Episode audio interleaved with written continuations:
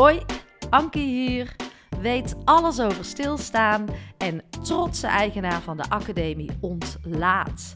Fijn dat je er bent. En in deze podcast ga je leren stilstaan. Je gaat ontlaten. Want wie ben je eigenlijk en klopt het wat je aan het doen bent? Doe je de dingen waar je blij van wordt? Ervaar je rust? En dan niet alleen in het weekend of tijdens vakanties. Dit vraagt om oefening, stilte en aandacht. En ik daag jou uit om jouw veilige routines vaarwel te zeggen. Op afstand naar jezelf te kijken. En ik gun je alles wat je voorheen als vanzelfsprekend hebt beschouwd, opnieuw te bevragen.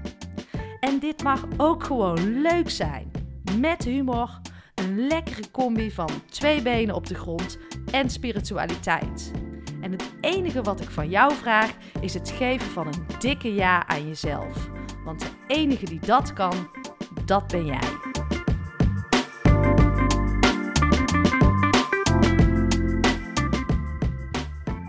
Yes, we gaan beginnen. Welkom, maandagochtend weer. Fijn dat je luistert. Hoe gaat het met je? En uh, ja, hoe gaat het echt met je? Waar ik het uh, vandaag over wil hebben is over de gedachte toch nog wel, het stigma dat uh, stilstaan, dat dat uh, achteruitgang is. Die vind ik natuurlijk inmiddels behoorlijk achterhaald. Maar dat zullen jullie begrijpen als je kijkt naar het pad wat ik heb mogen afleggen, waar ik ontzettend dankbaar voor ben. Maar wat ik de laatste tijd toch met enige regelmaat weer zie, is als ik aan iemand vraag of hoor, kan ik beter zeggen, hoe gaat het? Dan komt als eerste dat antwoord, ja, druk. En met welke intentie geven we dit antwoord? En waarom geven we dit antwoord? Hè? Wat hangt er dan toch aan drukte? Is dat een uh, stukje identiteit? Is het het eerste antwoord uh, wat in je opkomt um, om verder niks te hoeven zeggen. Uh, is misschien gewoon een, een automatisme, een mechanisme bedoelde ik. Um, ja, we kunnen er vanuit allerlei invalshoeken naar kijken, maar het, het valt me op dat het zo lastig is om te vertragen, om dat in te bouwen in je leven. Terwijl iedereen bijna dat verlangen voelt voor meer rust in zijn lijf, uh, meer ingetuned. En ik merk het ook in de gesprekken die ik voer. De gesprekken die echt van uh, hart naar hart gaan, daar zit automatisch een vorm van vertraging in. Omdat daar echte connectie is uh, vanuit het hart, de wil om naar elkaar te luisteren. Daar zit gelijkwaardigheid in, daar zit compassie in, daar zit aandacht in en daar zit rust in. Maar de gesprekken die veel meer vanuit het hoofd, vanuit het ego gaan.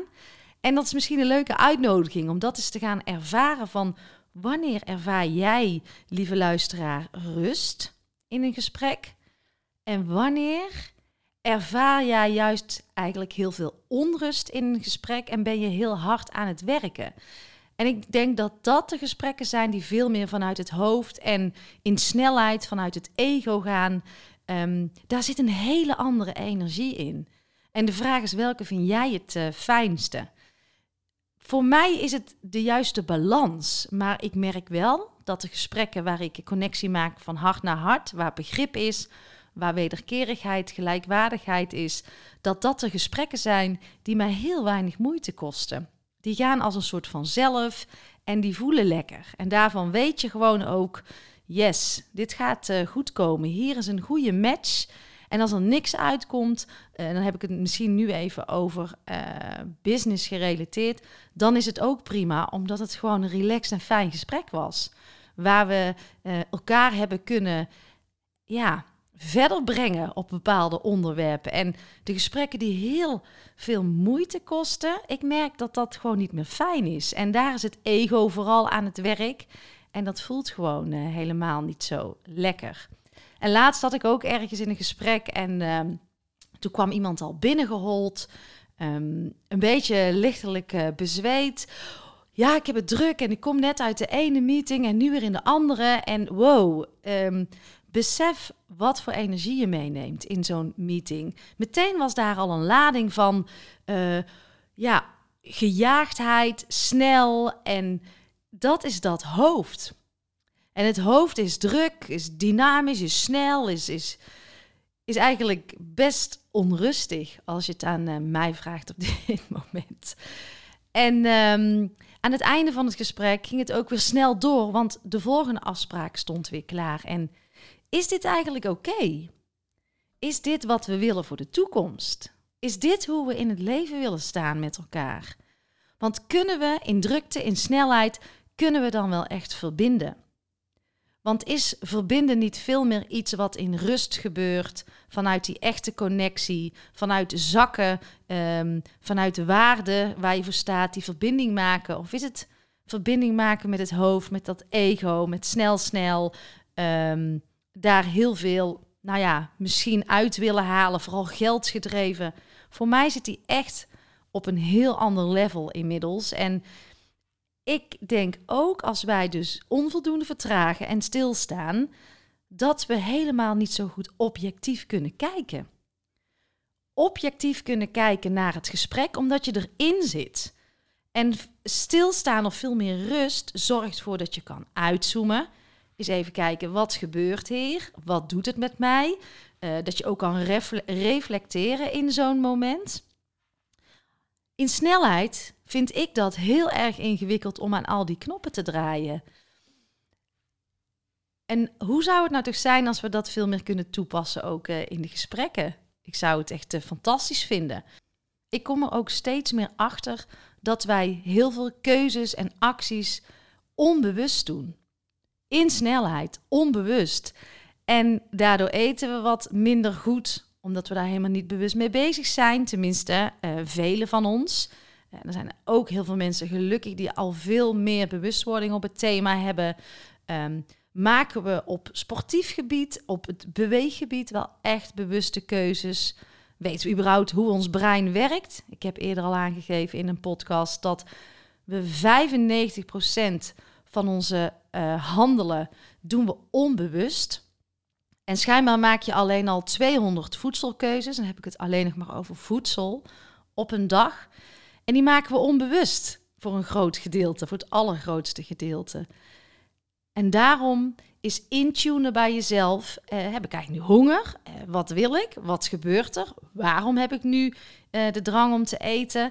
Dat zou toch super waardevol zijn? En dat geldt voor ook als je eh, in een meeting zit. Hoe lekker is het als je vanuit stilte is een meeting zou gaan beginnen. Maar dan ontstaat de ongemakkelijkheid, en uh, dat komt ook echt terug in onze academie ontlaat.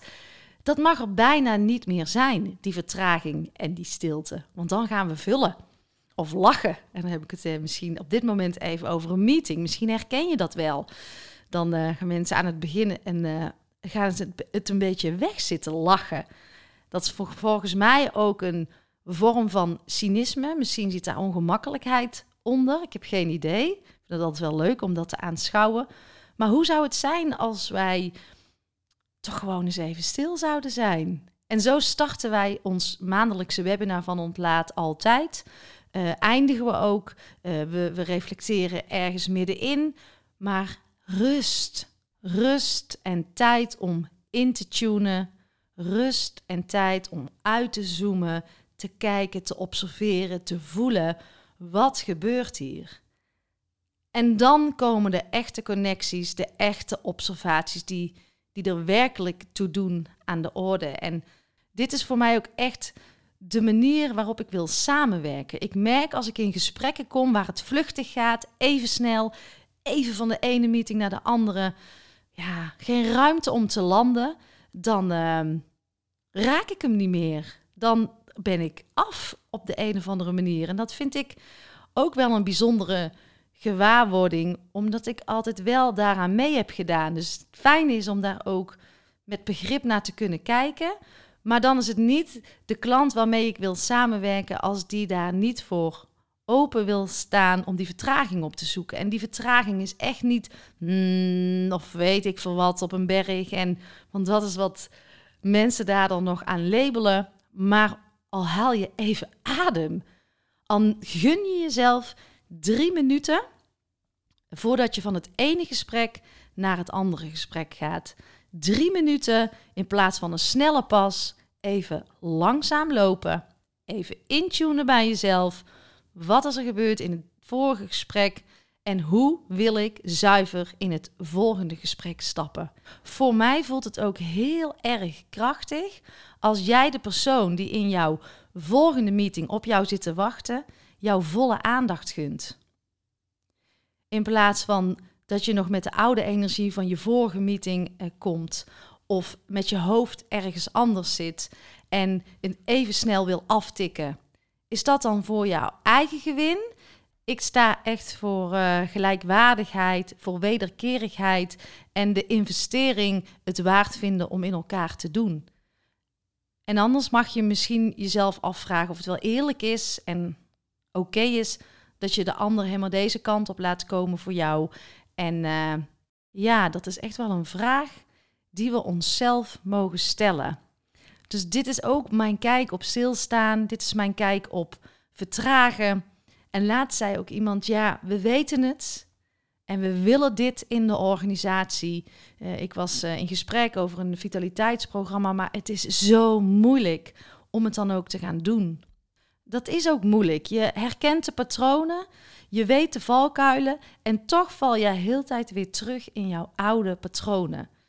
Ja, verandering is het allermoeilijkste, maar als wij ons lichaam gaan begrijpen, maar ook ons brein en dat in relatie tot verandering, dan gaat die verandering veel eenvoudiger. We zitten heel erg in een onbewuste fase nog met betrekking tot dit soort kennis. En we mogen die switch gaan maken naar bewustwording. En daarom is ook bij ons in de academie of in de workshops die wij geven, zijn we vooral met dat proces bezig. Want anders valt iedereen weer terug in zijn eigen patronen. Uh, dat is ook super logisch. En dan is er geen duurzame verandering en echte beweging tot stand gekomen. Dus daar is heel veel aandacht voor nodig.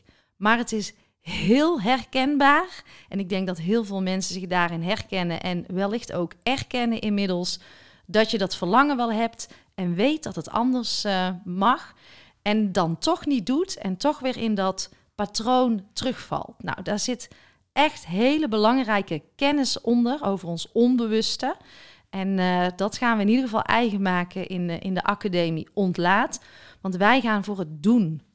De activatie, de integratie, die, die, die duurzame verandering. En tweede vraag die ik ook stelde, of een tweede vraag, een vraag die ik haar ook stelde was: maken jullie tijd vrij in je organisatie? En toen viel het even stil. Dat zouden we eigenlijk moeten doen om mensen de ruimte te gaan geven om te leren. Dit doen we er vaak bovenop. En je ziet vaak een vitaliteitsaanbod in een campus staan met allemaal losse onderdelen. We zien door de bomen het bos niet meer. Het is weer iets erbij. En als er dan ook geen tijd wordt vrijgemaakt in de organisatie om hiermee bezig te zijn, ja, hoe wil je het dan? Hoe wil je jouw ambitie dan tot stand laten komen? En dat geldt ook voor ons als individu, als wij onszelf die tijd en die prioriteit niet gaan gunnen, dan zal die verandering niet tot stand komen. En dan blijven we in die red race hangen van druk, meer, sneller. Nou, we zijn alweer een heel eind. Voordat ik naar de afronding ga, wil ik jullie nog laten weten dat op dinsdag 21 juni geven Renate en ik het ontlaten webinar. En wil jij nou eens eh, verkennen en ontdekken of het ontlaatprogramma iets voor jou is, voor jouw organisatie of voor jouw team, dan is uh, dat een hele mooie mogelijkheid om uh, vrijblijvend eens kennis te maken met onze academie, met het programma, met ons aanbod. En wij vinden het natuurlijk fantastisch als je er bent en wij jou een hele mooie beleving en ervaring kunnen bieden. Het linkje om je in te schrijven staat in de show notes. En nog een uh, mooie laatste vraag om mee af te sluiten. Hoe zou ons leven, hoe zou jouw leven, hoe zou de organisatie eruit zien als we dat vertragen en dat stilstaan weten te integreren in onze eigen bedrijfsprocessen, in ons leven? Hoe zou het eruit zien? Nou, een mooie reflectievraag om, uh, om daar uh, de week eens mee te starten. Ik ben er vrijdag weer. Tot dan!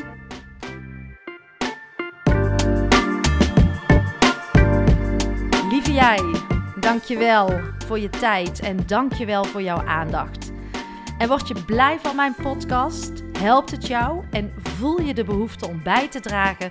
Dan is dat absoluut welkom. En ik geloof in die wederkerigheid vooral vanuit die gedeelde waarden. En je helpt mij door deze podcast te delen en uh, onder de aandacht te brengen in jouw eigen netwerk.